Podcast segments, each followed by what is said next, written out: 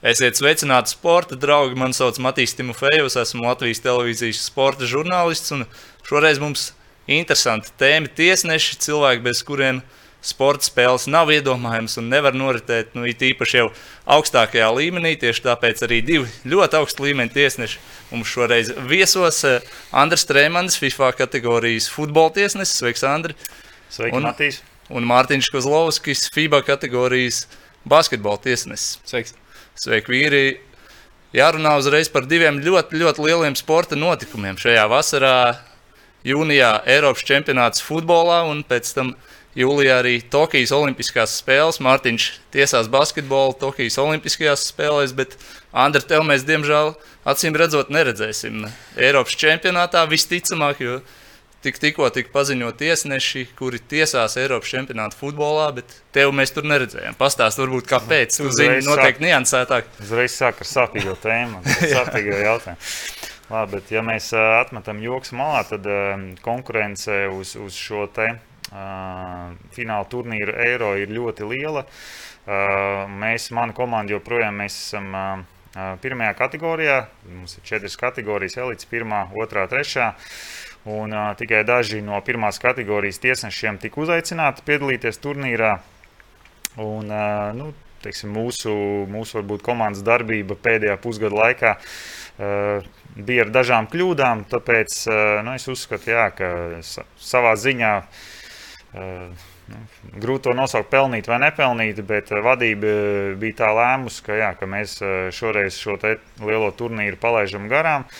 Bet uh, mēs joprojām strādājam tālāk. Tā kā, uh, joprojām darām to, to, ko mēs ļoti mīlam, un, un ceram piedalīties nākamajos turnīros. Jā, jums jau ir skaidrs, arī, kura bija tā nianses, kāpēc jūs palikāt aizstrīps. man faktiski jā, ir, ir skaidrs spēles, eh, kurās varbūt izšķīrās tas mūsu nosacītais eh, liktenis jā, pēdējo, pēdējo divu gadu laikā, pēdējā gada laikā, bet es, es par tām niansēm varbūt tik smalki neiedziļināšos. Tas jau tāds iekšējs jautājums eh, un, un eh, ar, ar lielo vadību man nav bijusi vēl pagaidām saruna, eh, tāpēc es atturēšos no, no kaut kādiem tādiem sa, savu pieņēmumu komentāriem. Kā jau tiesnesis Zolīte to arī darīs, vai ne? Mārtiņa, tev gan šī vasara būs īpaša. Tokijas Olimpiskās spēles arī iepriekšējās divās Olimpiskajās spēlēs Latvijai bija pārstāvis Oļegs Latvijas, tiesāja Londonā, pēc tam Rio. Tagad tu tiesās Tokijā. To var nosaukt par tavu virsotni, par sapņu piepildījumu. Es gribētu teikt, ka jā, jo teiksim, mēs ar Andriju jau pirms tam arī runājām, ka teiksim, basketbola tiesnesim teiktu, tas, tas sapnis ir noteikti nokļūt Olimpijādē. Un, uh, ja futbolā, ja nemaldos, Olimpijādē startē U23 vai, vai, vai zemāk, U23 komanda, tad basketbolā tā ir iespēja vienopus redzēt nu, vislielākās zvaigznes. Un, uh, protams, jebkurš gribētu tiesāt Amerikas izlasi un, un tās zvaigznes, kuras mēs redzam ikdienā pa televīziju, NBA līgā. Bet, eh, protams, tas bija sapnis, uz ko es gāju, kuras īstenībā skaļi varēju pateikt jau ļoti sen atpakaļ, un varbūt dažs labs varbūt pasmieties un tā tālāk. Bet, manuprāt, ja tu nosprauc to īsto mērķi un ja tu uz viņu mērķiecīgi ej, tad, eh, protams, ir visam jāsaliekās kopā. Bet nozīmēm es saņēmu otro reizi. Jo pagājušajā gadā uh, es dabūju papriecāties divas nedēļas, un pēc tam nāca ziņas par to, ka Olimpijāda ir atcelta. Arī mūsu nozīmējums atcēla. Līdz ar to mums šis gads bija jāstrādā no jauna, jāpierāda sev, jāturpina pierādīt. Un, un, protams, ka tajā brīdī, kad es saņēmu e-pastu par to, ka es esmu nozīmēts atkārtoti, protams, tas ir tāds liels saviņojums un gandarījums. Un jāsaka tā, ka, protams, kad būtu gribējies arī, kad kāda no mūsu izlasēm būtu tikus tur. Tad šajā, šajā reizē sanāks tā, ka es būšu vienīgais Latvijas teikt, basketbola pārstāvs šajā, šajā formā. Mhm. Kas ir tie mājas darbi, kas tev vēl ir jāpaveic, kas jāņem līdzi, kas jāliek somā, kas fiziski jāizdara? Jo Olimpijāda jau tūlīt būs klāta patiesībā. Jā, īstenībā jau laiks skrien, un, protams, ka vēl jau ir zem jautājuma zīmes, kā tas viss notiks tā tālāk. Sākumā šajā brīdī ir papīra lietas, visādas formalitātes, avio biļetes laicīgi un tā tālāk. Mēs zinām, ka mums ir jāierodās nepilnu nedēļu pirms Olimpijas sākuma, kur mums ir pirmssezonas tāda, nevis pirmssezonas, pirms turnīra uh, klīnika. Uh, patiesībā viss darbs vēl ir tikai priekšā. Fiziskā sagatavotība un tā tālāk. Mums ir testi jākārto, mums ir olimpiskās kvalifikācijas turnīrs. Uh, jo mums ir vēl joprojām jānoskaidro četras komandas vīriešu konkurencē, kuras startēs. Es dodos uz Belgradu jūnija beigās, kur, uh, kur ir astoņas komandas cīnās par vienu ceļu zīmi. Līdz ar to tas būs tāds arī nu, tāda iesildīšanās pirms tā lielā pasākuma. Bet tajā pašā laikā tām komandām, kas startēs, tā nebūs nekāda iesildīšanās. Tā ir cīņa par vienu ceļzīmi. Mm -hmm. Jā, pie lielajiem turnīriem, lielajām virsotnēm, tiesāšanā un sportā vēl atgriezīsimies, bet uh, iesim uh, visam pēc kārtas šajā sarunā cauri.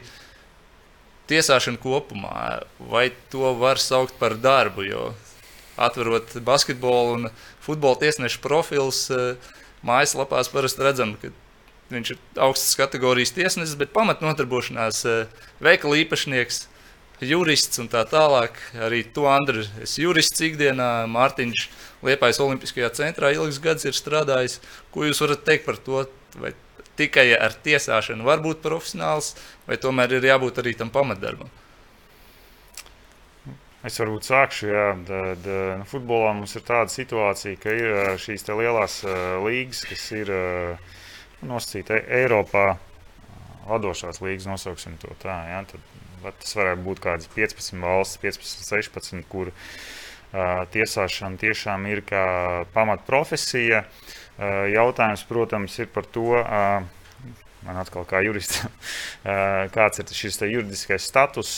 Citās valstīs tas ir kā darba līgums, citās valstīs tas ir arī līdzīgi kaut kāds uzņēmuma līgums. Uh, Citās valstīs līgumu slēdz ar tiesnesi uz diviem, eh, trim gadiem, eh, citās uz vienu sezonu. Tāpēc eh, tas atkal nu, savā ziņā kaut kādu stabilitāti dod un tā tālāk. Bet konkrēti pie mums Latvijā, es domāju, mēs līdzīgi ar, ar kolēģi Mārtiņu varam, varam teikt, ka. Es teikšu, protams, par sevi, ka nu, tas līmenis, kurā mēs šobrīd strādājam, ir tāds, ka uh, Tas vairāk ir tiešām tāds profesionāls uh, hobijs.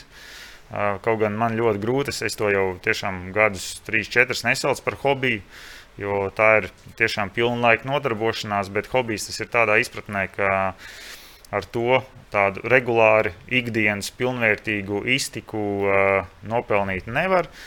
Un, un es līdzīgi tad uzreiz varu savilkt vienkārši paralēlus tādas, ka, jā, piemēram, būtu man jādod uz eiro. Uh, tad uh, skaidrs, ka tie ir kaut kādi garantēti ienākumi. Līdz ar to ne, ne, mēs nedodamies ar saviem asistentiem uz eiro. Nu, līdz ar to šie ienākumi nav. Tāpēc uh, ir nepieciešams uh, baro ģimeni, nodarboties ar kādu no papildus nodarbošanās. Un, okay, varbūt tas līmenis, kurā mēs šobrīd strādājam, jau kaut kādas līdzekļus ienes, bet uh, nu, līdz tam līmenim arī ir jātiek. Un, uh, tikt līdz šim līmenim, uh, kurā, kurā man komanda šobrīd strādā. Nu, līdz 30 gadiem, nu, vēl pat, pat ilgāk eh, laika periodu nav iespējams. Tāpēc noteikti mums visi mūsu kolēģi, kas arī Latvijā ir, eh, viņiem ir pamatnodarbošanās, algots darbs. Un, un tiesāšana tā ir jā, kā papildus nodarbošanās, kā, kā tāds vaļasprieks, hobijs. Bet, kaut gan es saku, mūsdienās šīs prasības, gan fiziskās, teorētiskās, pieejamības prasības, kā tādas, ja, jo parasti spēles var notikt brīvdienās vai pēc darba laika tad šī pieejamība noteikti ir uh, arī viens no būtiskiem faktoriem, ja, kas, kas arī pasaka to, ka tas nav vienkārši hobijs. Mm -hmm. Mārtiņ, kā ir tavā situācijā? Es saprotu, ka Liepais Olimpiskajā centrā tu strādāji, bet šobrīd vairs nē. Kāda ir tava situācija šobrīd? Uh, šobrīd patiesībā uh, tas pēdējos divus gadus, kopš es aizgāju no Liepājas Olimpiskā centra, tur pirmkārt milzīgs paldies par to, ka es varēju apvienot un darboties. Tur tas bija, tas bija ļoti vērtīgi, jo skaidrs, ka tajā brīdī man karjera gāja uz augšu. Es nezināju vispār, kam, ko, kā gatavoties, un tas bija viss jaunums. Man. Pēdējos divus gadus organizēju, man ar savu biedrību organizēju dažādas pasākumus, un, un galvenokārt tas īstenībā aizgāja projām no darba dēļ ģimenes. Jo es sapratu, ka es nevaru atbraukt mājā pat aizno no spēlēm un skriet uz darbu un neredzēt savu ģimeni. Bija ģimenes eh, papildinājums un, un, un, un tā, un viss tas bija jauns. Uh, šīs Covid laiks arī man bija klusums, teiksim, tajā manā, var teikt, neteiksim, biznesa sfērā, bet manā uh, atsevišķā darbā, kas, kas ir ārpus basketbola. arī es sāku meklēt iespējas. Jo līdzīgi kā Andris jau minēja, arī mums, mums nav teiksim, kontrakta vai līguma, kas mums garantētu kaut kādas veida ienākumus. Viss ir atkarīgs no tā, uz kurien tu brauc, cik tu, cik tu spēles tiesā un tā tālāk. Un, līdz ar to nāca īstajā laikā darba piedāvājums, un, un, un šajā brīdī jau es strādāju Liepājas sporta spēļu skolā, izglītības metodiķis. Līdz ar to arī skatoties uz maniem kolēģiem, kas ir Eiropā, teiksim, top tiesneši, arī viņi paralēli nodarbojās ar kaut ko. Un, un, un tas ir tas, ko Andris jau arī minēja par to, ka mums ir vajadzīgs teiksim, kaut kādai drošībai, bet tajā pašā laikā to attieksmi, kādu no mums prasa, es gribētu teikt, ka mēs esam profesionāļi. Un nevienmēr tas ir vēr, vērtējams teiksim, kaut kādā naudiskā izteiksmē. Tas ir laiks, tas ir tas, ko es to esmu devis tajā visā sportā. Un, Un es, es sev nosaukt noteikti par profesionālu nu tā, šajā jomā. Tā kā, kurā brīdī tas beidzās par hobiju, kurā brīdī profesionāls.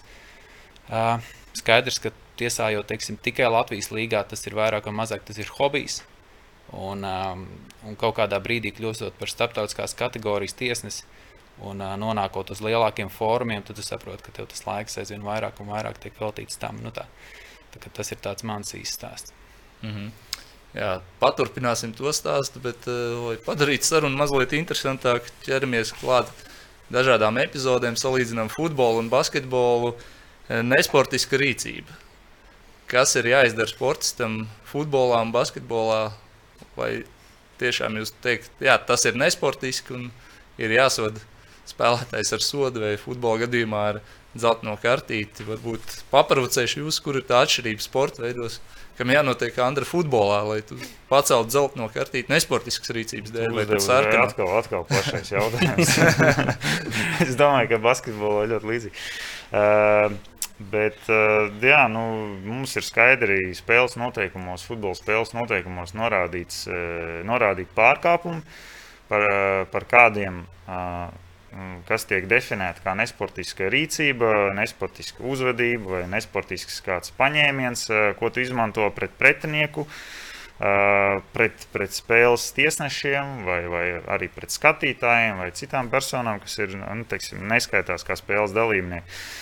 Tad, eh, nu, es saku, tur sākot no vienkārši rupja sitiena par kājām un, un, un, un Beidzot, ar, ar vārdu svinēšanu nepareizi. Ja? Tad šīs nesportiskā uzvedība futbolā ir ļoti, ļoti plašs jēdziens, un zem šī nesportiskās uzvedības ir ļoti daudz pārkāpumu, tiek, tiek nu, teiksim, iet iekšā tajā grozā, kas ir zem nesportiskās uzvedības. Tad es saku, tad man būtu jātaisa vaļā noteikuma grāmata un, un jāsāk, jāsāk lasīt.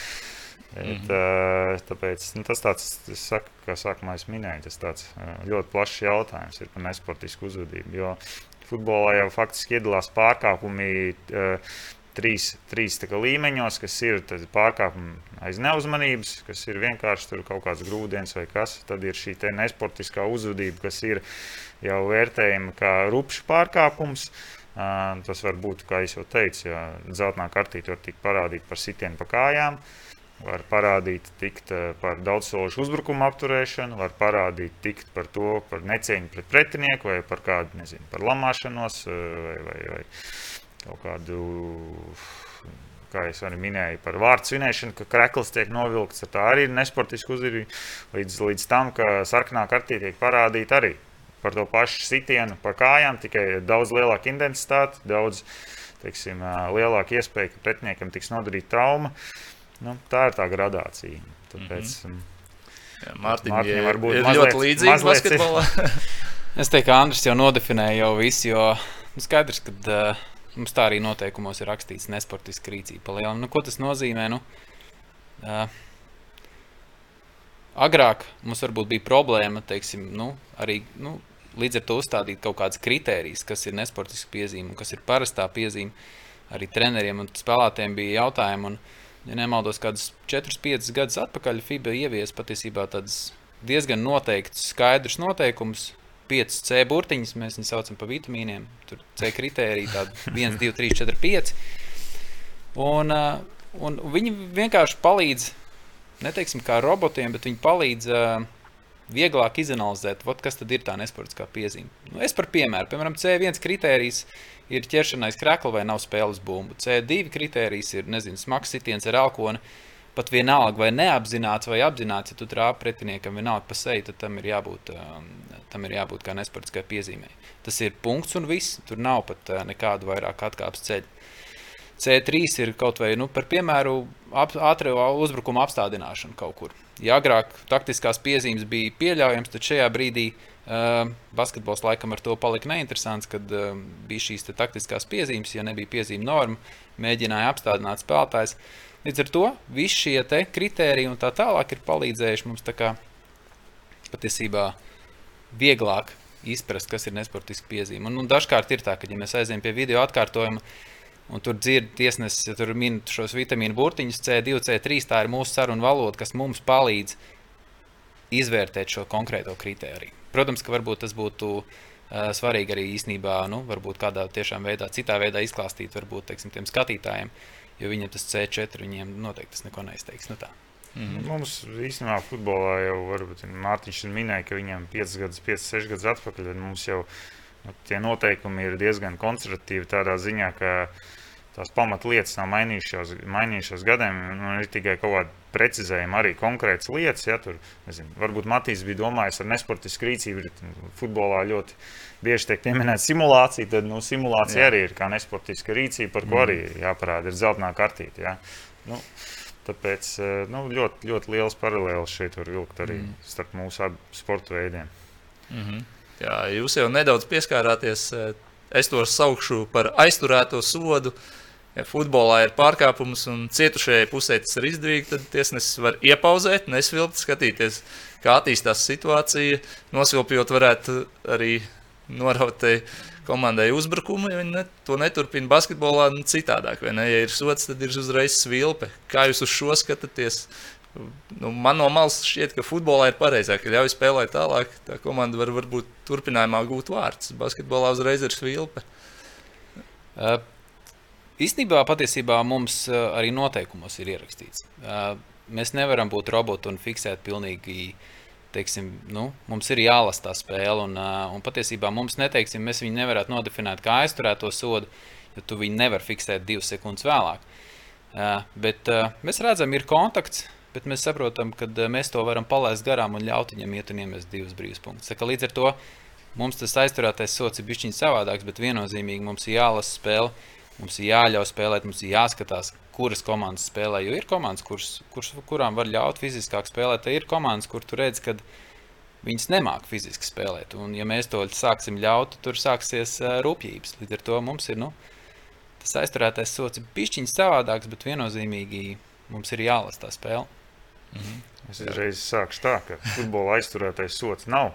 nav tā, definējums nav pareizs. Nav, nav tāda termina vispār. Jā, es, es, tas var būt akmens komentētāja lauciņā. ne, ne varbūt Matīs ne tavā, bet es esmu arī dzirdējis, ka teiksim, Latvijas kanālos, kur komentē latviešu valodā futbolu, tur arī runā par šo aizturēto sodu.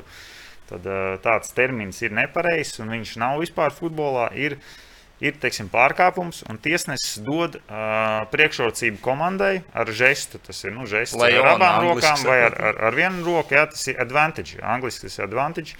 Priekšrocība, ka, ja tiesnesis redz, ka, jā, ka uzbrukošā komanda, jā, kurai uh, drī, nu, drīzāk teiksim, tā, aizsargājušās komandas uh, spēlētājs, kurš izdara pārkāpumu, uh, savā veidā var iegūt. Nu, nu, labumu no tā pārkāpuma. Ja, tad tiesnesis redzot, ka ir daudzsološs uzbrukums, ka uzbrukums veiksmīgi var turpināties, viņš var piemērot šie priekšrocības principi. Ja. Līdz ar to uh, nu, netiek, netiek lausts šis spēles gars, ja, ka tomēr uzbrukošai komandai uh, ir, ir šī priekšrocība paliek. Līdz ar to arī pēc tam, atkarībā no, smaguma, no pārkāpuma smaguma, tiesnesis var atgriezties pie šī pārkāpuma un, un brīdināt disciplināri ar dzeltno vai, vai ar sarkano kartīti. Šo spēlētājs ir veids pārkāpumu, bet tāds kā aizturētais sots.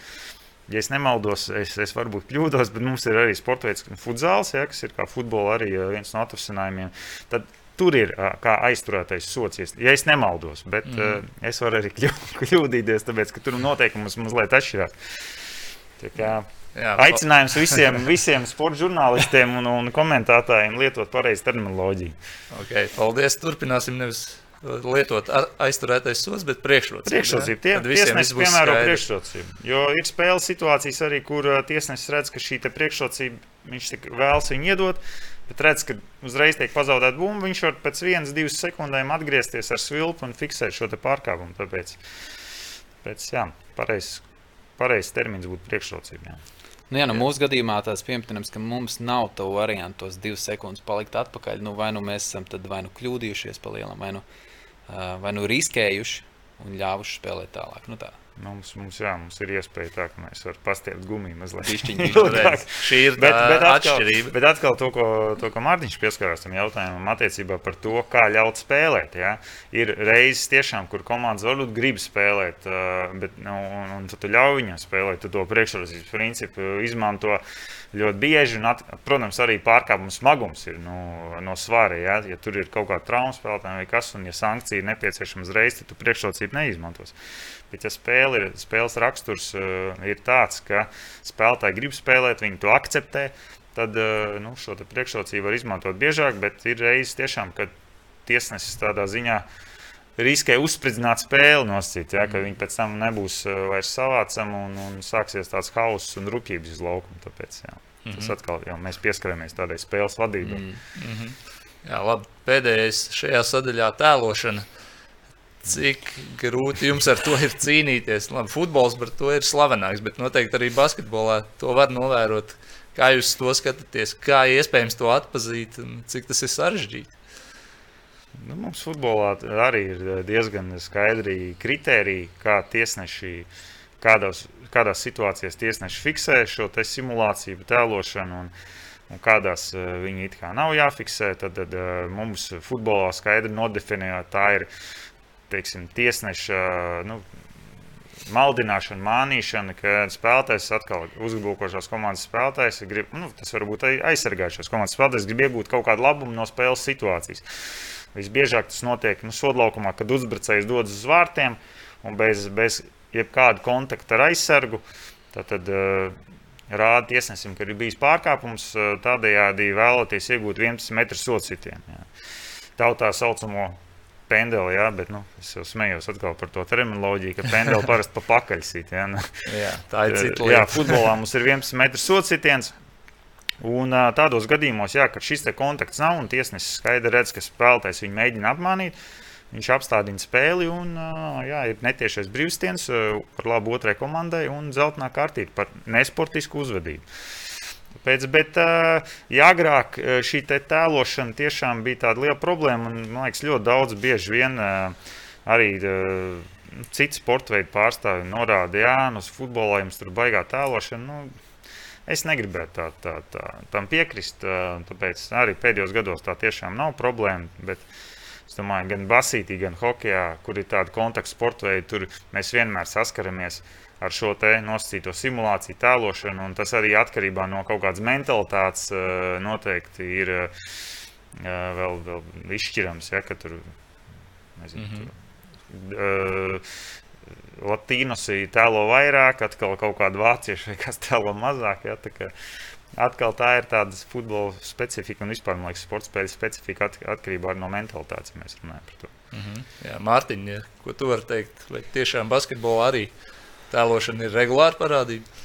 Viņi paliek regulāri. Tā ir uh, otrs tendence. Ja, ja futbolā Andris saka, ka paliek mazāk, tad basketbolā paliek vairāk. Nu, skaidrs, ka tas sportiskais princips spēlētāji dara visu, kā ar laukā zina, kā visu paņēmienu atļaut. Viņi dara visu, lai tikai iegūtu sev kaut kādu labumu. Un divas, trīs svilpītas spēlē ir pilnīgi pietiekami. Uh, šī parādība nebija basketbolā novērot vēl nezinu, 6, 7 gadus atpakaļ, līdz tas sāka nākt basketbolā. Es kā vēl skatītājs futbolā, es ļoti necietu šīs tēlošanas, un man liekas, ka tas ir nu, tā galīgi nesportiski un tā tālāk.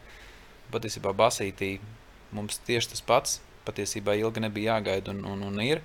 Kā Andris jau teica, reāli ir, ir, ir tādi, piemēram, Balkāni, kur ir, kuriem tas ir asinīs. Viņiem tas ir vienkārši asinīs, un viņiem spēle no spēles, un viņiem pat māca ir treneri, kur māca pietēlot, dabūt tās divas, trīs svilpes savā pusē. Un, Un nav viegli nolasīt. Ja tev kaut kāda pozīcija patraucē tajā brīdī, tad ļoti viegli ir iekrist uz šīm provokācijām, un viņi ir ļoti gudri. Un, uh, mums Latvijā tepatās ir tāda spēlētāja, kur to dara. Un, un, uh, mums tā, nu, ir kaut kāda kriterija, kas parāda. Bieži vien ir šīs galvas atgāšanas uz atpakaļ, kad kontakts ir plecā, galva iet uz atpakaļ vai rokas kājas pa gaisu, kad tu saproti, nu, tāda neadekvāta rīcība.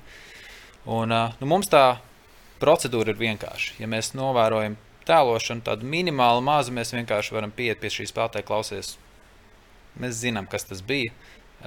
Pie nākamās reizes būs brīdinājums. Ja ir normāls, tāds acīm redzams, pirmā reize, kad viņš, tiek, kad viņš tēlo, Mums ir brīdinājums katrai komandai viens. Tas nenozīmē to, ka nezinu, tagad katram mēs no šīs komandas spēlētājiem dosim brīdinājumu. Nē, mēs to piešķiram brīdinājumu vienai komandai. Uh, bez jebkādiem soda mēriem, bet uh, praktiski nu, atkāpšanās ceļa nav. Nākamā, nākamā tēlošanas reize ir tehniskā piezīme.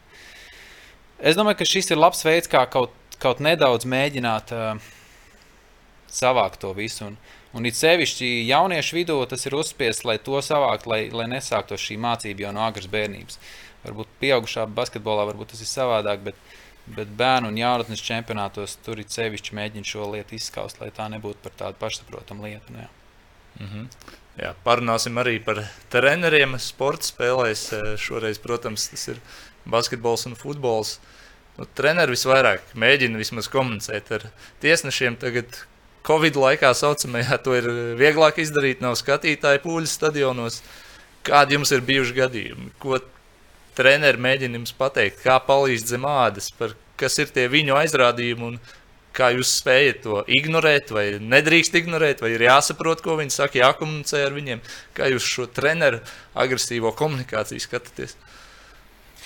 Nu, tu pareizi pieskāries par to, ka šobrīd uh, futbolā šī te, uh, uzmanība un ietekme, kas šobrīd nāk no, no tehniskās zonas uz laukumu, tieši no, no treneriem, no, no tehniskā personāla, viņi ir būtiski pieauguši. Jo, jo pilnā lielā stadionā, skaļā stadionā, uh, nu, uz laukumu šo ziņu, ko viņi grib nodot, ir grūtāk nodot, ja neviens vienkārši viņu fiziski nedzird.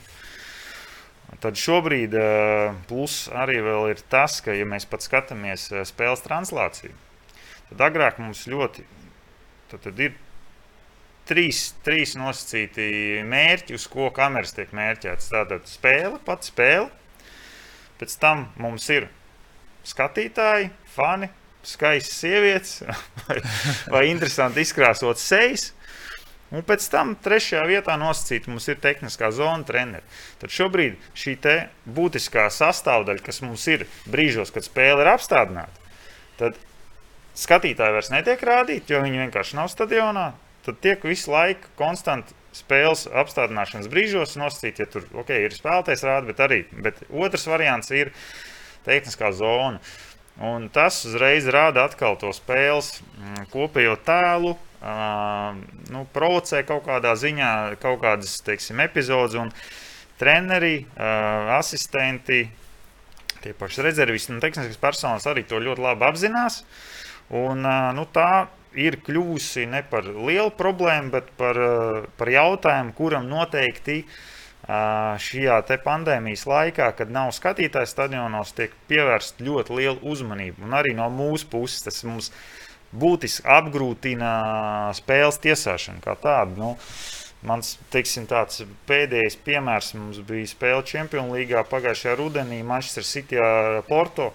Tur mums ir Pepe Guardiola. Uh, ir uh, izskrēja no galvas. Uh, Portu treneris. Jā, uh, tad uh, abi bija ļoti karstasinīgi. Viens portugāls, viens spānis. Un tehniskā zona ir vienkārši. Nu, 4 metrus, 3 metrus viena no otras, un viņi abi stāv un spēle ir ļoti sarežģīta. Viņi tos norādījumus dod, un kas tur darījās, tas vienkārši nu, trakāmā. Un tas pats arī tā enerģija tiek nodota uz laukumu arī spēlētājiem. Līdz ar to šī te, uh, tehniskās zonas vadība ir nu, teiksim, man kā tiesnesim, plus ļoti liela loma ir ceturtajam tiesnesim. Ja, to, to, cilvēki pamana tikai to, ka viņš rāda maiņas, bet viņš ļoti viņš aktīvi viņš ir pa vidu, viņš ir arī kā asistents reāli man spēles laukumā, jo viņš palīdz man fiksēt arī kaut kādas pārkāpumus, kurus es neesmu redzējis. Un, un, uh, viņš nav tikai tāds tehnisks uh, cilvēks, kas atbild par maiņām un skatās, kur rezervists iesildās. Ja. Tāpēc šī loma ir uh, būtiski mainījusies šajā laikā, un uh, viņi noteikti prasa papildus uzmanību no mums, kā tiesnešiem, tīri, lai veiksmīgi vadītu spēli. Nu, tas, tas ir tāds, uh, un, un, un, jā, nu, ir un, būtiski atšķirās. Protams, ir atkal no mentalitātes, no, no tā, kas treneris ir. Uh, un, un, un, nu, tas viss kopā jā, uh, veido to, kā mums atkal kā tiesnešiem ir jārīkojas, lai mēs veiksmīgi varētu novadīt spēli. Jā, Mārtiņ, kā ir basketbolā? Tur tomēr viss ir vēl tuvāk. Mazāks laukums, tu esi brīžiem blakus tam trenerim. Treneris laukumā brīžiem. Jā, tieši ir arī brīžiem laukumā. Nu, mums ir retāk tas. ah, nu, bija savādi. Bija savādi cevišķi sākumā, kad uh, ka tev viss liekas, katrs tas vārds liekas visiem tik labi dzirdams. Kamerās tāpatās visā mm. televīzijā dzirdams, un tad tu mēģini saprast, kā, kā nomenedžēt to situāciju. Un, bet ar mums par to arī īstenībā jau saulēcīgi runājām, brīdināja, ka mēģinām izprast to situāciju. Šī netipiska situācija arī treneriem, jo arī viņi nav raduši, ka viņu katru komentāru būs dzirdams tagad tā, ka nu, viss cauri. Un, un es domāju, ka visiem bija jāpierod pie šīs situācijas. Un, bet es teikšu, ka es esmu jau laikam apradzis. Un, bet kaut kāda atslēga, kā ar to sadzīvot, vai tam līdzīgi, vienkārši pāris spēles un, un, un, un viss. Un, un jāmēģina nevis to tā emocionāli paķert, bet mēģināt saprast to, to bildi, ka tā vienkārši šajā brīdī apstākļi ir un, un tas arī viss. Nu tā. un, ja mēs runājam par to futbolu, es pieļauju, es nezinu precīzi, bet kaut vai tā, tā, tas skandāls, kas bija ar, ar Rumāņu brigādi varbūt tieši arī šī klusā stadiona dēļ, arī patiesībā, ja būtu pilns stadions, varbūt tas pat nebūtu noticis. Tas, kas notika. Nu tā. mm. es, es tā domāju, ka ir, ir lietas, kur ir, mums katram ir jāpierod, un tāpēc jācer, ka pēc iespējas ātrāk būs stadions un sporta zāles būs pilnas. Jo, jo par, par to tukšo stadionu runājot, vēl mēs bijām vēl cik trīs nedēļas atpakaļ. Bija pasaules kausa atlases spēle Armēnija, Rumānija tiesājām. Bija atļauta 30% stadiona teiksim, apmeklētības spēles laikā. Un, okay, stadions nebija liels, 15,000, bet 5-6,000 radīja tik lielisku atmosfēru. Mēs ar, ar kolēģiem bijām tik nu, tā, tādā nu, tiešām svētlaimē. No tā, ka beidzot atkal ir atpakaļ tā īstā futbola atmosfēra, un es domāju, Basītī noteikti līdzīgi ir. Ka, tas, tas, tas skaļums, tā atmosfēra, tā vien jau tev nes uz priekšu. Jau arī tīri tev, kā ne tikai spēlētājs, bet arī mūsu tiesnešs. Un tā ir tāda ļoti būtiska sastāvdaļa, kas šobrīd, diemžēl, pietrūkst. Līdz ar to jau arī Mārtiņš pieminēja, ka mums ir rodas šīs papildus uh, problēmas, kuras agrāk, ar kurām mēs vispār nesaskārāmies. Jā, bet īsumā, kā jūs teiktu, ir tiesnesim ar treneri jākomunicē, ja viņš kaut ko ļoti agresīvi aizrāda, vai, vai tas ir jānoliek malā un jāturpina. Lasītī varbūt vairāk jūs komunicēt, jo jūs jau reāli pēc savas pozīcijas laika atrodaties faktiski nu, pāris soļu attālumā no viņa. Tāpēc tā komunikācija liekas neizbēgama. Mums Jā. Tas ir ļoti faktiski. Tālu. Nu, Mums ir tā, ka mēs tur pirms spēles eh, varbūt sasveicinamies, eh, nu, garām ejot, eh, pēc tam puslaikā, ja tur ir kāds, kāds, kāds treneris kaut ko grib aprunāties, bet bieži vien mēs vienkārši no tā izvairāmies, jo viņš grib aprunāties tikai par kaut Vai kādu lēmumu, kas ir par sliktu viņa komandai. Viņš līdz ar to ir teiksim, negatīvi noskaņots pret mums, tāpēc mēs cenšamies visādā veidā no tā arī nu, menedžēt, izvairīties. Un man jau kā laukuma tiesnesim tā komunikācija ir tikai tādā gadījumā, ja viņš ir tiešām kaut ko pārkāpis, kas nav atļauts spēles noteikumos, tad, jā, tad es vai no nu, viņam izsaku vienkārši mutisku brīdinājumu, vai jau dzeltenā vai sarkanā kartīte, kas nozīmē arī brīdinājums vai noraidījums ārpus tehniskās zonas tribīnēs. Tāpēc mm -hmm. mums var būt tā lēmuma skaidrošana, jo nu, valstītie laikam biežāk sanāk aprunāties, tur kaut ko paskaidrot. Jā, tur jūs fiziski esat blakus, vai ne? Mēs esam fiziski blakus un, un, un, un patiesībā jau ir jākomunicē. Mūsu gadījumā ir. Un, Viņiem ir jautājumi, un, un tas ir tīri normāli, ka mēs apmainamies. Mums var atšķirties viedokļi. Jautājums, kādā veidā notiek tā komunikācija. Uh, svarīgi, kā mēs atbildam. Un nevienmēr mums ir, nu, kā arī, ja mēs arī kļūdāmies, nu, mēs varam trenerim atklāt, pateikt, klau, nu, nebija labas vilpa. Un viņš to labāk sapratīs, nekā tu viņam mēģinās iestāstīt aplam lietu, ka nē, tur tomēr bija tas un tas un tas. Tā kā komunikācijai ir jābūt, ir kaut kāda robeža, kurā, kur viņi beidzās. Un te pašā laikā, ja treneris to dara visu laiku, pēc katra stāvu lēmuma, tad vienā brīdī jānovelk tā līnija un jāsaprot, ok, mūsu komunikācija ir beigusies, bet lai treneris arī saprot, ka vairāk komunikācijas šajā spēlē nebūs. Nu tā, tā, tā patiesībā ir viņa izvēle. Mm -hmm. To, cik tālu mēs iesim un tā tālāk. Jo gal galā nu, mēs nosakām to, to, to spēles ritmu un tā kā viņš ies. Un, uh, bet komunikācijai tur ir jābūt gan ar spēlētājiem, gan ar, gan ar treneriem. Viennozīmīgi. Jā, šis jautājums kļūs skaidrāks, bet pievērsīsimies arī kļūdām. Tiesneša darbs bez tām nav iedomājams. Kā jau kas šajā dzīvē kļūdas gadās, un jūsu kļūdas ir ļoti redzamas, tīpaši mūsdienās ar visām televīzijas iespējām. Kurā brīdī jūs saprotat, ka esat kļūdījušies? Tas ir pārtraukums, futbolā puslaika pārtraukums jums arī. Jūs apskatāties, tad jūs saprotat, kā jūs reaģējat. Jūs zinat, jā, diemžēl es kļūdījos tikko. Parasti, jā, parasti futbolā jau teiksim, tās, tās kļūdas ir kaut kādās ļoti sarežģītās situācijās. Un, un, un, sarežģītās, kur tu esi varbūt nosakts, kur tu neesi redzējis epizodi, kur tev asistenti nevar palīdzēt. Vai atkal asistenti arī kļūdas ar aizmuguri. Ja, kad, nu, nu, es jau saku, es tādā ziņā abrīnoju savus, savus ceļus un vispār tiesneša asistents kā tāds, ka viņi tajā dinamikā spēja noķert to momentu, to aizmugures uh, situāciju. Un, un, un, nu, paldies Dievam, ka vairums gadījumos tas ir uh, pareizs lēmums. Bet, uh, Bet jā, faktiski jau šobrīd, eh, nu, tajā līmenī, kur mēs strādājam, spēles tiek translētas dažādos televīzijas, futbola kanālos. Mums bieži vien draugi, kolēģi skatās šīs spēles, un ieejot ģērbtuvē, tu jau Vācijā esi saņēmis video. Video atkārtojumu no, no televīzijas, un tev ir skaidrs, ka tev ir tāds, huh, viss kārtībā, viss malači, ja, oveči, strādājam tālāk. Vai eh, nu es neteikšu tos vārdus, teiks, ko, ko mēs ģērbtuvē lietojam par to, ka, ka nu jā, kad ir, ir kļūda un, un, un te atkal ir eh, tas, tas pie kā Mārtiņš pieskārās, kad atkal ejot ārā uz laukuma, spēlētāji jau arī saņem šo informāciju, ja, vai ir bijis tur 11 metri pareizi nozīmēts vai nē, vai gols bija tīrs vai nebija.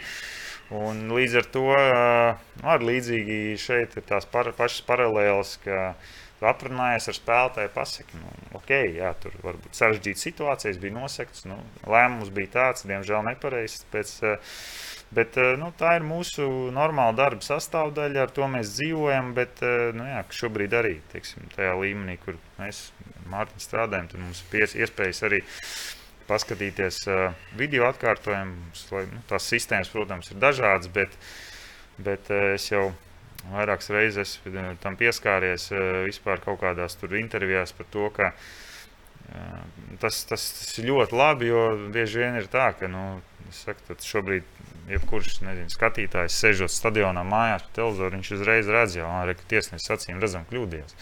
Vienīgais cilvēks, kam ir kas ir atbildīgs par šo lēmumu, viņam nav iespējas paskatīties. Tāpēc nu, man liekas, tas ir ļoti labs solis gan, gan visās mūsu sporta spēlēs, gan basītī, hokeja un, un futbolā. Kad ir iespēja nosacītī vēlreiz apskatīties šo epizodi un pieņemt eh, pareizu lēmumu, ja viņš acīm redzami ir bijis nepareizs.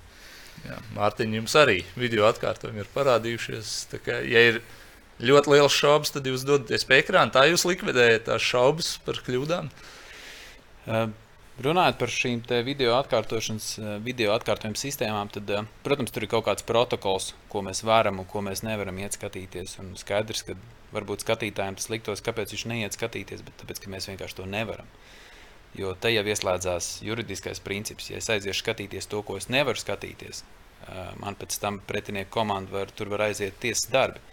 Līdz ar to ir nu, mums ir skaidri un gaiši nodefinēts, ko mēs varam un ko mēs nevaram. Bet, ja mēs runājam par tām kļūdām, tad nu, skaidrs, ka kļūdas ir. Un, uh, Neviena perfekta spēle vēl nav notiesāta bez kļūdām. Un, un vispār šajā tiesneša darbā, ja tiklīdz tu sāc kaut ko tādu darīt, ar to ir jāmāk sadzīvot. Ir bijušas kļūdas, ir man personīgi ir bijušas smagas kļūdas. Es esmu kļūdījies izšķirošās spēlēs, fināla spēlēs, spēles galotnēs.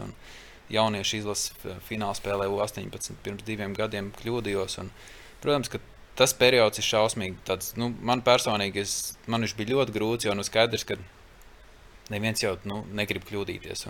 Tu gribi to savu darbu izdarīt pēc iespējas labāk. Un mēs jau līdzīgi kā sportisti, mēs jau arī pārdzīvojam. Nevis mēs tur tagad ot, kādam tur iekodām. Nu, tās ir muļķības. Protams, ka to mēdz vilkt līdz tiesnešiem, ot, reku nāk, tas tu līdz kodīs.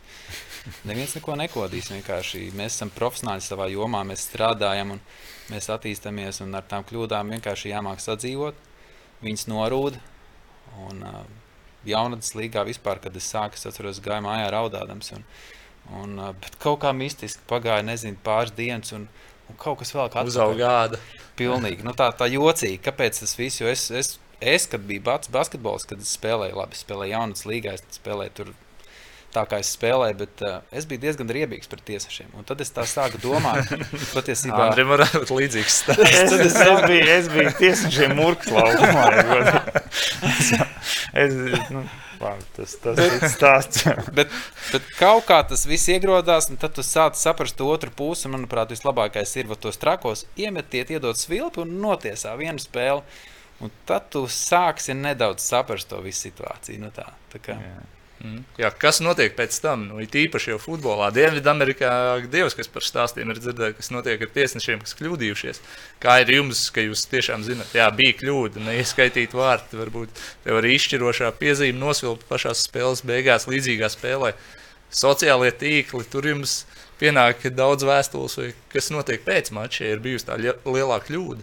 Nav jāmeklē nekāda Dienvidamerika. Pie mums šobrīd uh, Mhm. Eiropā ir ļoti Tieši liels problēmas. Arī, piemēram, ko es varu minēt par piemēru Grieķija, Kipra, ja, kur šobrīd arī nu, mums ir bijusi iespēja teiksim, braukt, arī tiesāt vietējo čempionātu viņiem, bet tas arī saskaņā ar UFA uzaicinājumu.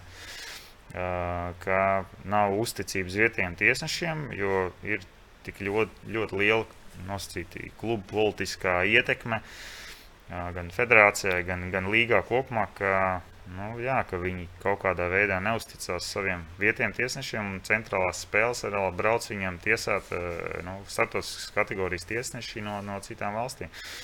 Un attiecībā par tām kļūdām, jā, tad uh, Es zinu gadījumus, ka tur ir dedzināts mašīnas tiesnešiem, sievas stāvoklī. Ir cilvēki pienākuši klāt uz ielas, pateikuši, ka, nu, skaties, tu aprunājies savu vīru mājās. Nu, ja neaprunāsies, tad nu, viss kaut kas var notikties. Ja? Nu, tādi tiešām reāli fiziski draudi.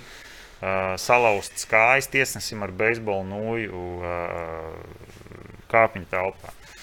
Pa, pa sociālajiem tīkliem es jums esmu nerunājis. Tas ir tā, tāda rutīna.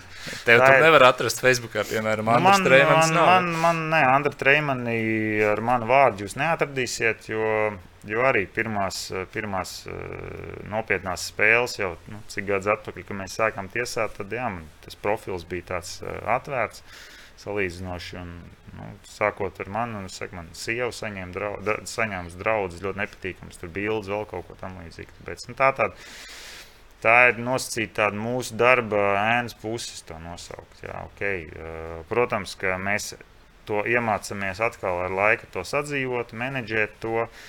eh, Kaut kādā veidā varbūt izvairīties no tā, bet eh, nu, tā ir būtiska mūsu ikdienas sastāvdaļa. Mhm. Jā, Es gan, es gan domāju, ka teiksim, futbolā tas nu, ir, ir izteiktāk. Jo nu, skaidrs, ka, ka tās cilvēku masas un, un vispārējais nu, futbols ir numur viens bez variantiem. Mēs to labi un skaidri gaiši redzam.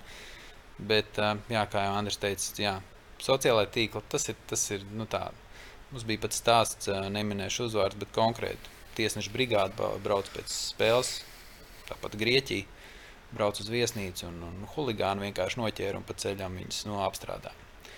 Aizgāja tik tā, ka tur, protams, tiesa darbu un tā tālāk, un sodīja komandu diskvalificēt. Tā kā patiesībā mēs esam diezgan nepasargāti.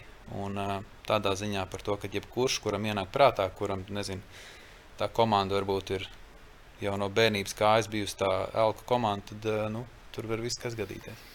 Mums vēl futbolā varbūt, eh, cik man sanāca ar kolēģi Oļ- Oļegu aprunāties, tad eh, jums varbūt arī vēl tā nosacītā eh, organizācija, spēles organizācija varbūt nav tik nopietnā līmenī kā futbolā. Jo, piemēram, mēs futbola spēlēm arī mūs gan sagaida no lidostas, gan uz futbola spēli veda Uh, bieži vien ir šīs valsts, uh, nevis bieži vien, bet vienmēr ir policijas eskorts. Mēs nekur, uh, faktiski mums nav iespējas nekur uh, satikties ar kaut kādiem faniem vai ultrām. Ja? Tāpēc pie šīs drošības uh, tēmas tiek ļoti piestrādāts. Tāpēc nu, es nezinu, mēs ar Oļegu runājām, jā, kad viņš saka, ka bieži vien pašiem jāorganizē kaut kādas transports no lidostas uz spēli arī un, un, un uz viesnīcu. Ja, tāpēc mums par to futbolā ir, ir padomāts un tam tiek pievērsta ļoti liela uzmanība. Bet neskatoties uz to, arī ir šīs problēmas. Un, jā, tā ir tā realitāte. Jā. Parunāsim par kaut ko pozitīvāku. Abi esat augstākā līmeņa tiesneši. Mārtiņ, tev izdevās tiesāt arī pasaules kausā, pirms tam Eiropas čempionāta fināla turnīros sievietēm, dāmām. Andrim arī kā pirmam latvietim UF, FIFA galveno turnīru U17 pasaules kausā bija iespēja tiesāt arī fināla spēli Brazīlija, Meksika. Trīs spēles čempionības grupas turnīros, Eiropas līgā regulāri tiesājot. Šosezon arī Grieķijas čempionāts. Jums var jautāt, to, kā var nonākt līdz tai virsotnē tiesāšanā. Te noteikti ir jaunajiem censoņiem, kas arī tiesāšanā grib sākt darboties, jāņem vērā tas, ka nu, tas nav iespējams ātri. Tur ir jāiet pakāpien, pa pakāpienam, kategorija katra nākamā nāk ar gadiem, un nevar tā pēkšņi 18 gados jau tiesāt Champions līgā vai arī. Tas, kā jūs uz to pakāpieniem skatāties, kas ir jāizdara, lai tiktu līdz tai virsotnei?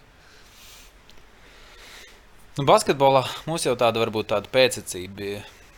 Mums uh, Maris Bernāts savā laikā ir bijis teiksim, tāds, kurš nu, tāda neteiksim ikona, bet uh, es zinu to, ka Oļegam Latvišiem viņš bija kā piemērs. Man personīgi es to nekad neesmu arī slēpis. Man Oļegs vienmēr ir bijis tā, tas nu, ceļa rādītājs pa lielam. Nu, skaidri un gaiši viņš ir top tiesnesis visā pasaulē, un uh, to neviens arī nevarētu noliegt tas, kā viņš ir attīstījies un strādājis, es domāju, ka viņš ir daudziem mums bijis kā tāds motivators par to, ka mēs to varam arī no šeit, no Latvijas. Un, nu, man liekas, kas baigi svarīgi ir tas, ka tev, ka, tu nepiedodies pie pirmām grūtībām, ka tu esi ar pilnu tādu mērķtiecību ej uz priekšu. Svarīgi ir īstie cilvēki, īstais laiks, kas tev trāpās. Jo, manuprāt, tur nav tāda viena recepte, kas būs jāizdara, un tu kļūsi. Jo varbūt tikpat labi tu esi uh, teorija apgūst fantastiski, bet tu nelasi spēli. Tāpēc priekšrocība noteikti tiem, kas agrāk paši ir spēlējuši, kur nedaudz var iedziļināties psiholoģija, komunikācija, kā komunicēt. Jo skaidrs, ka ar komunikāciju mēs varam daudz ko novērst, mēs varam daudz ko salabot, un tā spēle var pavisam savādāk aiziet. Es teiktu, ka tur ir tāds liels uh, lērums ar lietām, noteikti disciplīna un ētika. Es domāju, ka tas ir primāri jebkuram sportistam disciplīna un ētika. Kad, uh, Manā gadījumā es sāku tiesāt vispār 18 gadu vecumā. Uh, šobrīd sanāk, es esmu 16 gadus basketbolā, 6 gadus FIBA. Uh, jeb starptautiskās kategorijas tiesnesis, es kļuvu pēc desmit gadiem, pēc intensīva darba. Tas bija tāds, nu, tā, tāds pirmais tāds atspēriens. Nu, tā. Es pieļauju, ka futbolā tas ir stipri grūtāk, konkurence lielāka. Uh, es tā pieļauju. Tā kā, nu, bet mans stāsts ir samērā ātrs.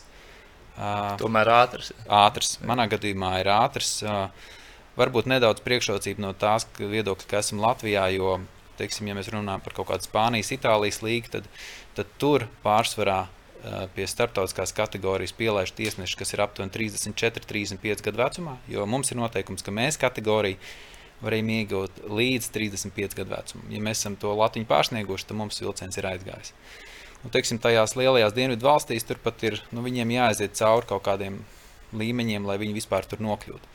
Manā gadījumā es kļuvu par starptautiskās kategorijas tiesnesi 27 gadu vecumā, kas ir liela priekšrocība man, jo tie mani vienlaicīgie čaļi jau ir 7, 8 gadus vecāki. Mums arī ir vecuma cenze, līdz ar to nu, tas viss tā sajiet kopā. No tā.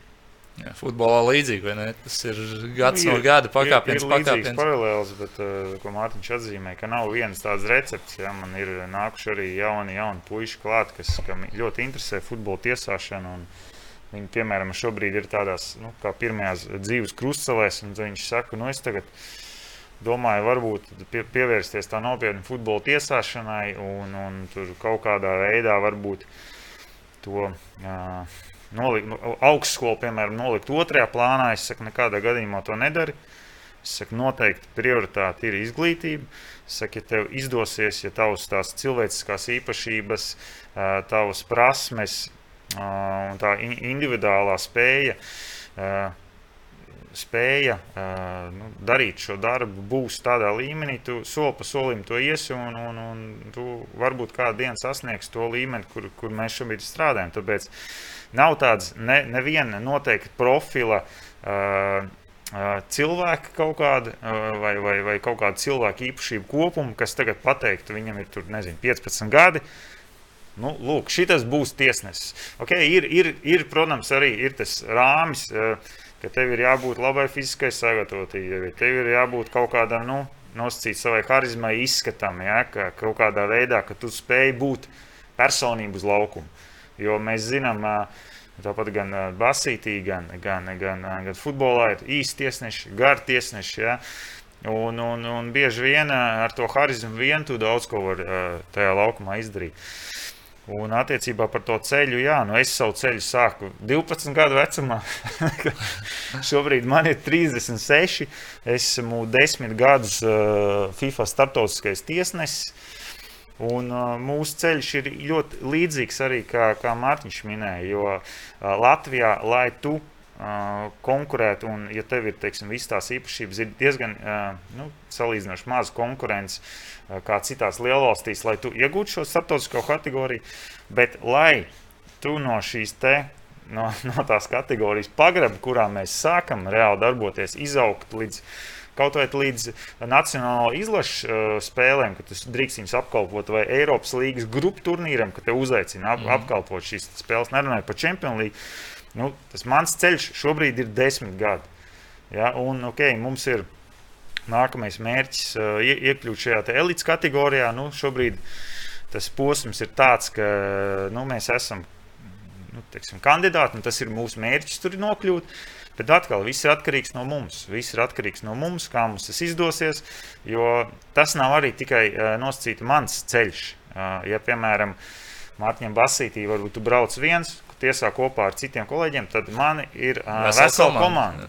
Man, un es esmu atkarīgs, tāpat kā mani komandas džekļi ir atkarīgi no manis. Uh, es esmu galvenais tiesnesis, es saņemu nozīmējumus, bet manā kompetencē, federācijas kompetencē ir iedot man līdzi tādus kolēģus, uh, ar kuriem mums ir tāda sinerģija, tāda saprašanās laukumā, ka mēs spējam šo spēli novadīt labā līmenī. Uh, Jo nu, šobrīd es strādāju kopā ar saviem asistentiem, ar Haraldu man Aleksējs Pašķoņikovu arī jau nu, desmit gadus. Es vienkārši jau paskatoties, paskatoties uz viņu, varu saprast, ko viņš man grib pateikt. Tīri pēc ķermeņa valodas. Viņš atkal paskatoties uz mani, saprot, kāds ir mans viedoklis par kaut kādu situāciju. Ļoti svarīgi ir, kā tu jūties, jo nu, mēs braucam uz spēli, tas aizņem vairākas dienas. Kā tu jūties ārpus laukuma ar šo cilvēku kopā, un tas viss veido to rezultātu laukumā. Uh, Tāpēc nu, tas ceļš nav vienkāršs. Es bieži vien man par piemēru saku, nu, nu, kā var uh, Champions League tiesāt. Es saku, nu, tas ceļš ir ļoti tāds, nu, grumbuļains, bet ļoti interesants. Ļoti interesants. Un tiesnesis ir, ir, ir tāda profesija, ja, ja futbolists, piemēram, Bapē, viņš 18, 19 gados var spēlēt pasaules kausa fināla turnīru, fināla spēlē un būt labākais spēlētājs. Tad 18, 25 gados nekad neviens cilvēks, tiesnesis, netiesās pasaules kausa fināla spēli, tāpēc ka viņam nav pietiekami daudz zināšanu, tāpēc ka viņš nav fiziski nobriedzis, mentāli nobriedzis, un viņam nav, nav šīs pieredzes, lai viņš vispār varētu vadīt šādu līmeņu spēli. Jo atkal spēles vadīšana, tas ir atsevišķs stāsts, eh, kuru tu nevari iemācīties vienā gadā vai, vai pat divos, trijos gados. Tas ir ļoti ilgs pacietīgs, mērķiecīgs darbs. Un, un, un tikai šādu darbu ceļu cauri izjūt, tu, var, tu tikai vari kandidēt uz to, ka tu sasniegsi kaut ko. Jā, Tas ļoti, negarantē arī vēl neko. Mm. Jūs ļoti daudz niansēm pieskārāties, bet viena no galvenajām atzīsiet fiziskā sagatavotība. Tur arī jums ir īpaši testi, kur ir jāizpild īpašā vajadzīgajā ātrumā. Pastāstiet, varbūt kādu piemēru, lai cilvēki saprotu, kādai ir jābūt tai fiziskai sagatavotībai, lai tādā līmenī strādātu. Nu, piemēram, Mārtiņa, kāda, kāda tev tur ir vingrinājuma, saprotu, tur ir tā 20 metru skriešana. Ja? Tas ir mums, jāizpild noteiktā ātrumā. Mums ir uh, vību tests. Mums ir stipri vieglāk kā futbola tiesnešiem, stipri vieglāk. Uh, respektīvi, mums uh, Startautiskā basketbola federācijā ir uh, trīs fiziskās sagatavotības uh, treneri. Ja mēs esam nepilni no Eiropas 250 kaut kas tamlīdzīgs, nu, ja varbūt ap 300 tiesnešiem, tad šim vienam fiziskās sagatavotības trenerim pārziņā nolikt šie kaut kādi 70, 80 tiesneši. Mums katram tiesnesim ir um, izdalīts polāra pulkstenis, kurā mums ir jāieraksta treniņi. Mums sūta katru mēnesi treniņa plānu. Uh, viņi seko attālināti. Uh, tas ir tāds veids, kā viņi mūs var monitorēt, jeb, jeb skatīties, kas notiek. Protams, ja, ja redz, ka tu tiec ar visiem testiem galā, tad viņiem nav, nav teiksim, vajadzības īpaši monitorēt. Bet ir tiesneši, kur varbūt tu redz, ka jau tuvu 50 un tā tālāk, karjeras beigām, kurš sāk palaisties vai otrādi. Tad, eh, nu, tad uh, viņus vajag nu, nedaudz sapurināt. Nu, šie, tie, šie treneri ir tie, kur patiesībā par to atbild. Uh, pirms lieliem turnīriem mums vienmēr ir jāizskrien fiziskie testi. Uh, notiek visādas mērīšanas, ķermeņa masas indeks un tā tālāk, lai, lai redzētu, kas notiek arī tādā ziņā. Un, uh, ir grūti šajā te, uh, sezonas laikā, kad man vidēji aptuveni ir divas spēles eh, nedēļā, kur uh, var gadīties, ka abas ir izbraukumā, kur tas ceļā pavadītais laiks ir sevišķi tagad, kad ir, kad ir tik grūti sakombinēt lidojumus un tā tālāk, tad uh, nu, tas treniņu process ir apgrūtināts. Un, uh, bet, teiksim tā, ja man ir divas spēles nedēļā, tad tas treniņu skaits ir aptuveni trīs. Uh, plus man bija parasti baseins, jo man ir atkal savas problēmas, kas man ir jārisina, un tā tālāk arī fiziskās sagatavotības. Uh, vai veselības problēmas. Šajā gadījumā baseina nav. Nu, mums ir tādi challenge, jeb izaicinājumi. Jūra. jūra. jā, jā, jūra. ir jau pavasaris. un, bet, bet teiksim, tad, kad ir beigusies basketbola sezona, tad es teiktu, ka tā, tie ir pieci treniņi man personīgi. Tie ir tīri individuāli, kā mēs redzam, kuram varbūt vajag vairāk skriet, kuram vajag stiprināt dziļo muskultūru. Nu tā. Bet mm -hmm. skaidrs, ka tas uzsvers ar katru gadu aizvien vairāk tiek, tiek vērsts uz šo fizisko sagatavotību. Jā, redz, Andri Mārtiņš saka, ka futbolā ir grūtāk. Es nezinu, vai viņš vispār zina, kas mums futbolā ir jādara. es aptuveni zinu, es zinu, jums ir intervāls skrējiena, un uh, es zinu, ka no manas puses uh, liepājā es zinu ar pāris tiesešiem, kur runājuši, ka visvairāk, kas viņus satrauc, ir šis te fiziskais tests, kas ir priekšā. Jā. Tas, tas jā, nu, bet uh, Mārtiņš ir ļoti līdzīgs. Es varu ļoti līdzīgi izstāstīt. Visi mums arī tie paši polēri pulksteņi. Mums ir, at, mums ir tāda platforma, Tosports Lab, kur mēs visus šos te, treniņu, treniņus lejuplādējam no pulksteņiem, ne augšuplādējam. Augšuplādē. Un, jāraksta ir jāizpild arī treniņa apraksti, plus mums ir no UFA izstrādāt speciāli tiesnešiem. Treniņu programmu, kur arī atkarībā no, no kaut kādas sezonalitātes, no, no, no tā, vai tā ir pirmssezona, vai sezonas laiks, vai pēcsezona, ir šīs treniņu slodzes sadalītas. Man personīgi, nu, ok, Latvijā mums sezona sāks marta sākumā un beidzas novembra sākumā. Tad man jau vairākus gadus sezona uh, Sākas, sezon, sezona sākas 2. janvārī un beidzās uh, 3. decembrī. Labi, pirms Ziemassvētkiem īstenībā jau bieži vien mums ir tā, vēl, ka spēles Latvijā sen ir beigušās, bet mums ir Eiropas līga Champions League. Tas sanāk jau ir bijusi decembra 11. datuma, jā, tieši pirms nu, kaut kāda nedēļa pirms Ziemassvētkiem. Tad, uh, faktiski visu gadu man ir jābūt labā fiziskajā formā, jo uh, Janvāra beigās mums ir UFA tiesnešiem elites un pirmajai daļai no pirmās kategorijas pirms playoffs sāks Champions League un Eiropas līgā pirms playoff seminārs, kurā mums arī intervāla tests, tas, ko skrien, nu, tas, tas ir viens. Bet uh, vēl teiksim, no nu, tā kategorijā, kurā mēs esam, mums ir vēl mazliet sarežģītāks un grū, fiziski grūtāks tests. Tāpēc uh, tā fiziskai formai ir uh, jābūt uh, ļoti augstā līmenī. Un, un atkal, kāda ir atšķirība? Ja, ja mēs skatāmies, spēlētāji teiksim, spēlē nu, tajā līmenī, kur arī mēs darbojamies, nu, no 18 līdz 30, tagad jau 6, 7. Ar katru gadu tas vecums mazliet vidējs varbūt pieaug. Jo profesionālitāte, medicīna un, un, un viss pārējais mazliet attīstās. Tad nu, mums, man, piemēram, ir 36 gadi. Tad uh, faktiski es šobrīd uz laukuma esmu vienā vecumā ar vecākiem spēlētājiem. Bet tas spēles temps jau man ir jātur līdz tiem jauniem džekiem. Līdz ar to atkal uh, fizioterapija, atjaunošanās, pareiza treniņa plānošana, pareiza atpūtas plānošana, diēta. Uh, tas ir tāds nu, ne, nebeidzams ikdiena, ar ko mēs, mēs, domāju, mēs abi arī saskaramies.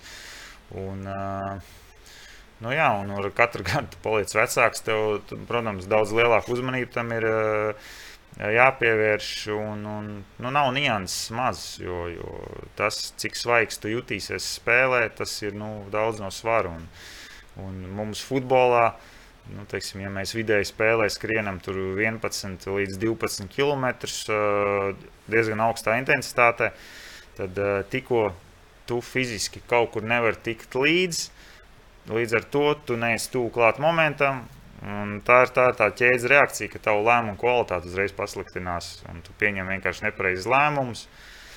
Nu, visu, un tu netiesā. mm -hmm. tā, kā, nu, tā, tā, tā, tā fiziskā sagatavotība, tas noteikti mums ir.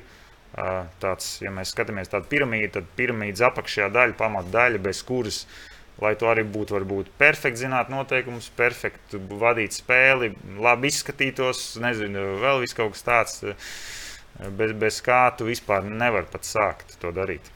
Mm -hmm. Jā, lecam pilnīgi citā tēmā. Sarunātās spēles sportā nu, arī ļoti liela problēma. Nu, cerams, ka tā problēma samazinās, bet to grūti spriest.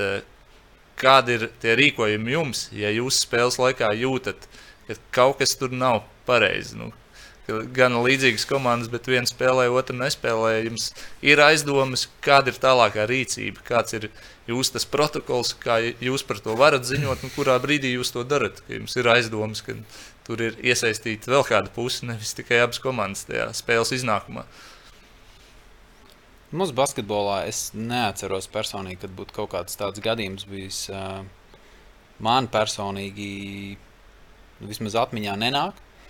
Un teikšu godīgi, ka tas, tas, tā, tā nebūtu mana lieta, ar ko būtu jārīkojas. Tur būtu noteikti jāskatās uh, ekspertiem, kur analizē to spēli. Varbūt savādāk, ja es kaut ko pamanītu, es varētu ziņot līgai, kad varbūt kaut kas ir bijis. Bet uh, es neesmu novērojis nevienā no sacensībām, kurā es esmu startējis. Un, uh, un, nu, vismaz man liekas, ka, uh, ja tas arī notiek, tad tas notiek varbūt tur. Nezinu, spēlētājs savā starpā kaut ko tur, bet, bet uh, līdz manām acīm, ausīm, nekas tam līdzīgs basketbolā nav bijis vismaz pēdējā laikā. Nu, futbolā, teiksim, godīgi, tā vismaz pirms kāda laika bija ļoti izplatīta parādība. Arī Latvijas virslīgā ik pa brīdim bija kāda komanda, nu, kur visticamāk ar to nodarbojās. Ļoti grūti to ir pierādīt, bet, nu, Andri, kā ir futbolā, ja tev ir aizdomīga spēle, kā tu rīkojies? Pirmkārt, jā, sāksim ar to, ka futbolā tā mums bija Es nosaucu to par lielu problēmu. Kāds, nu, dažus gadus atpakaļ, ja, ka, kad bija visi šie te, uh, lielie skandāli ar komandu izslēgšanām no virslīgas un spēlētāju diskvalifikācijām. Uh, arī tur pat līdz, līdz klubu īpašnieku diskvalifikācijām. Tad, uh, līdzīgi, līdzīgi kā Mārtiņš jau minēja, man uz laukuma teiksim, uh, Ļoti grūti saprast, vai tas spēlētājs tiešām palaida bumbu garām, vai viņš tiešām tur izdarīja pārkāpumu kaut kādā sodu laukumā. Ja? Un, un, un līdz ar to, līdz ar to nu, tas, man liekas, tas ar tā nenotiek. Ka, ka tur, nezinu, spēlētājs tur nāk, saka otram spēlētājam, ka es dzirdu, nu, tagad laidīsim iekšā vai kaut kas tāds. Nu, nu, man arī tā nav, nav, nav gadījies līdz ar to. Man grūti kaut ko tādā veidā nu, piemetināt, bet uh, Es e, varu pastāstīt to, ka mums e, diezgan regulāri, nu, reizi gadā vai reizi divos gados nu, sezonā, tad, tad e, notiek šīs arī apmācības, kā mums reaģēt, ja kāds mēģina kaut kādā veidā mūsu darbu ietekmēt, ja, kur mums ir jāvēršās, ja, kā mums ir jārēģē. Un, tāpēc mēs esam tādā ziņā labi instruēti. Uh, Un, nu, man arī, man par laimi, nav nācies ar šādu situāciju saskarties. Tāpēc nu, man arī bai grūti kaut ko te vairāk komentēt. Tas arī tas ir, piemēram, UEFA un, un FIFA federācija, Latvijas Hokeja federācija iegulda diezgan lielus resursus un līdzekļus, lai cīnītos ar, ar šo te uh, sērgu futbolā. Un, un tāpēc es, es redzu, ka nu, Latvijā nu, tas ir nesis augļus. Ja? Un, un, un tās tā, tādas sarunas par kaut kādām sarunātām spēlēm ar, arvien nu, mazāk ir dzird, dzirdamas pēdējā laikā. Nu, man prieks, ka, ka mums uh, visi, teiksim, uh, ka nekad šajās, te, uh, šajās te situācijās nav bijuši iesaistīti mani kolēģi tiesneši, tāpēc man par to ir prieks. Un, nu, Jā, tik, domāju, mēs gan... esam, es domāju, abi Mārtiņu ar kolēģi par to, lai, lai tas sports būtu tīrs. Un, uh, Līdz ar to mums arī var būt darbs. Vieglāks tādā ziņā. Jā, nu, pirms kāda laika gan Latvijā bija gadījums. Vēnspils spēlēja ar Bordeaux, Francijas komandu Eiropas līnijas kvalifikācijas ciklā. E, tur spēle tiesāja Krievijas tiesnesis. Mm -hmm. Pēc tam izrādījās, ka pirms spēles viņam ir kaut kas piedāvāts, lai viņš ietekmētu spēli. Viņš par to nav ziņojis, un tagad viņam ir diskvalifikācija. Nu, to Andra laikam var pateikt, ka, kā jau tu teici jums ir instrukcija, kas ir jādara. Acīm redzot, viņš to neizdarīja. Mums, mums, ir, mums ir telefona numuri, e-pasti, uz kuriem mums ir jāziņo par tādām situācijām. Uh, nu, es, es, protams, es nezinu tās detaļas tik, tik daudz, cik, tik, cik, cik esmu dzirdējis mēdījos. Bet, nu, tāpēc man, man arī grūti komentēt kaut ko šajā situācijā. Es, tāds lēmums ir pieņemts. Nu, es uzticos uh, organizācijām, kas to ir pieņēmušas. Nu, nu, domāju, ka tas līdz ar to ir pamatots kaut kādā veidā. Mm -hmm. Jā. Vēl viena nianses futbolā, kas ir parādījusies arī basketbolā, tā tiek pielietot eh, video atkārtojums, tam jau pieskārāmies. Nu, viedokļi, kā jau vienmēr, ir ļoti daudz. Citi saka, ka tas palēnina spēli, zūd dinamika, spēle apstājās ar vien biežāk. Eh, otrs saka, ka beidzot spēle ir godīgāka un tiesneši nav muļķi lomā, viņi arī var apskatīties. Kā jūs kopumā uz to skatāties? Nu, manuprāt, ļoti pozitīva nianses, kas ir ienākusi, lai spēle kļūtu godīgāka, bet nu, ir arī mīnus puse laikam tam visam. Nu, es, nu, es varu teikt par futbolu, ka ļoti labs, uh, spilgts piemērs uh, šobrīd ir uh, pēdējās nosacītī pavasara sesija uh, pasaules kausa kvalifikācijas spēlē. Ka visi, visa futbola sabiedrība uh, gan futbola klubi, gan, gan jau izlases bija tik ļoti pieradušas pie video tiesneša palīdzības laukumā, ka nu, tika pieļauts diezgan nu, nu, teiksim, nu, nedaudz, bet tiešām dažas tādas rupjas bet tāpat laikā ļoti cilvēcīgas tiesneša kļūdas, kur tīri fiziski varbūt nu, nebija iespējams pieņemt pareizu lēmumu. Un, un tā kļūda, ok, bija iespējams pieņemt pareizu lēmumu, bet tīri fiziski ir saprotams, kāpēc nu, tika pieņemts nepareizs lēmums. Līdz ar to atkal viss sāk runāt par to, kāpēc mums ir komandas gatavojas, cīnās par iekļūšanu pasaules kausa fināla turnīrā, bet netiek izmantot šī sistēma. Tad, eh, nu jā, tad eh, organizators šim turnīram ir eh, FIFA, kur šī turnīra fāzē šo sistēmu neizmanto. Bet tā ir vienkārši atbilde uz to, vai šī sistēma ir vajadzīga vai nav vajadzīga. Un, un skaidrs, ka futbola sabiedrība skaidri apstiprināja to, ka mūsdienu futbols bez šīs nosacīt palīdzības no zāles, ja, ja no, no kādas istabas, tuvumā vai tālumā, nu, viņi ir vajadzīgi. Un, uh, Es pats, eh, ok, mums Latvijā nav šīs sistēmas, diemžēl. Tas ir vienīgais, kurš to var darīt. Ja? Nu, mēs esam vienīgais Latvijā licencētais tiesnesis, kurš uh, ir licencēts arī kā video tiesnesis. Un, uh, okay, man nav šo spēļu daudz, bet ir dažas spēles, kurās es gan Eiropas līgā, gan pat Grieķijā esmu arī darbojies kā video tiesnesis, un man ir šī licence, apmācība iziet. Un arī mēs esam licencēti, ka mēs drīkstam arī laukuma tiesnešiem un asistentiem jābūt licencētiem uh, ka viņi drīkst tiesāt ar video sistēmas palīdzību. Jo Mārtiņš pieskārās man vienkārši interesanti par to protokolu. Viņš pieminēja, ka Jā.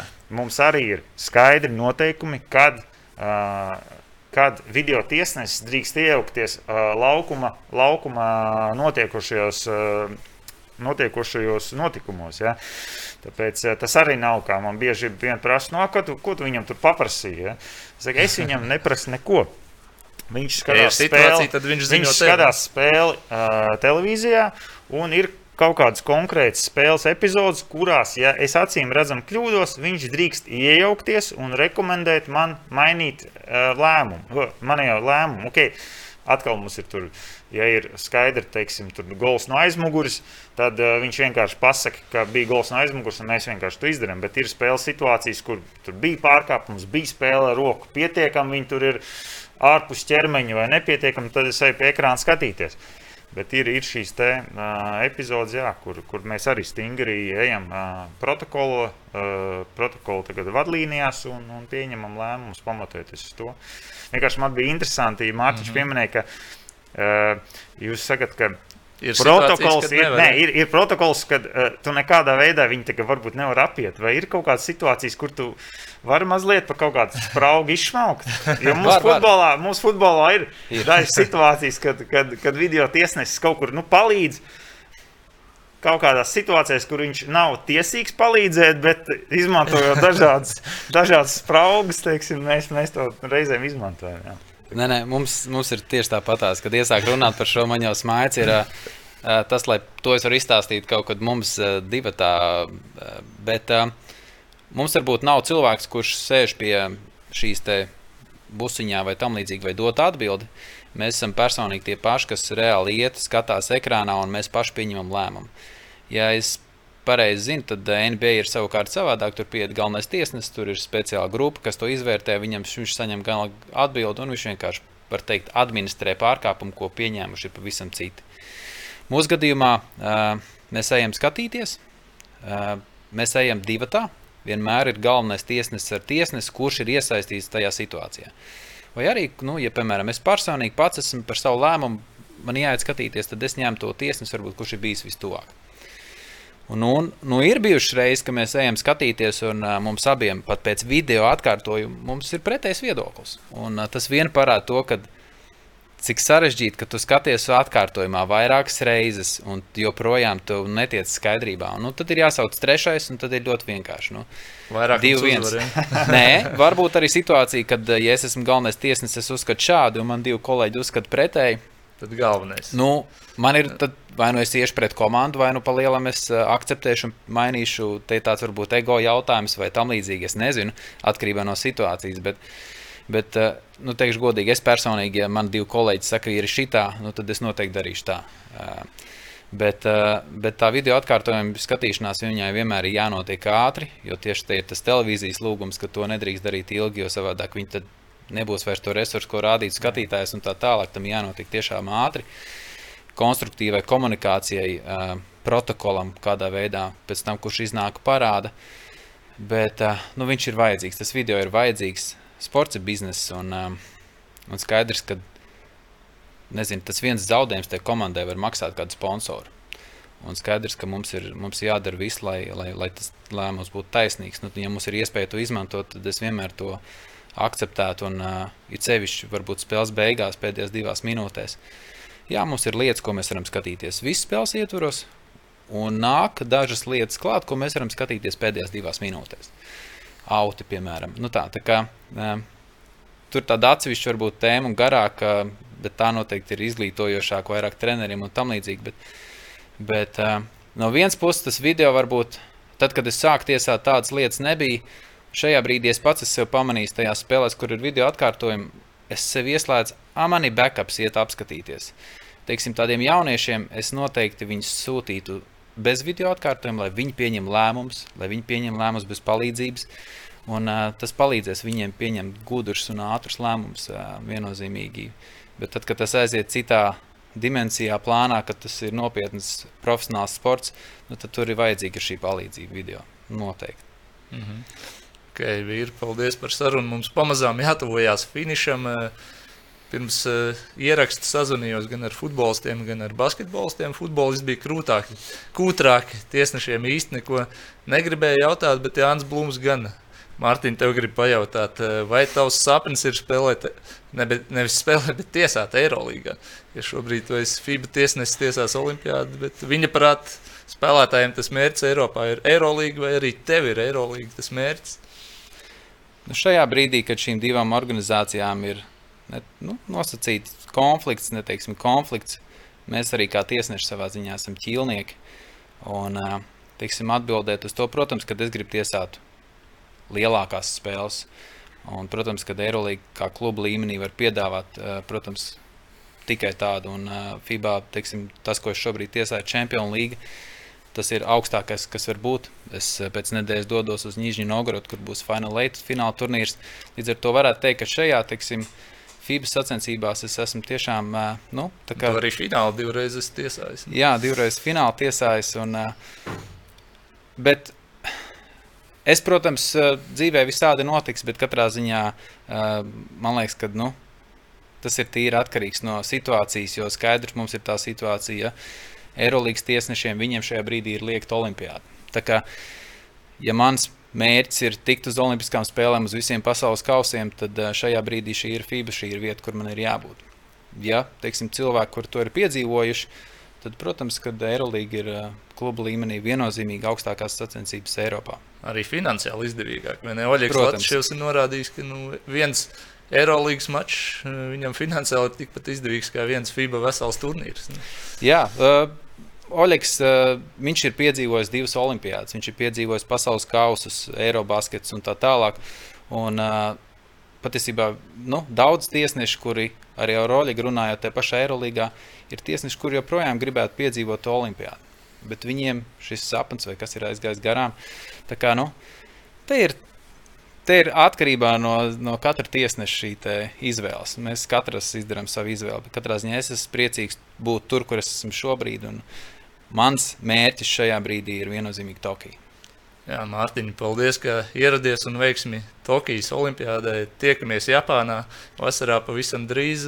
Andra, tev jānovēl nākamajā lielajā turnīrā nokļūt kā tiesnesim. Un cerams, ka arī tur mēs varēsim tikties. Paldies! Jā, Jā es arī Mārtiņam vēlu, lai, lai veiksmi Tokijā, lai, lai izdodas ne tikai redzēt basketbolu zāli, bet arī apskatīt mazliet Japāņu kultūru.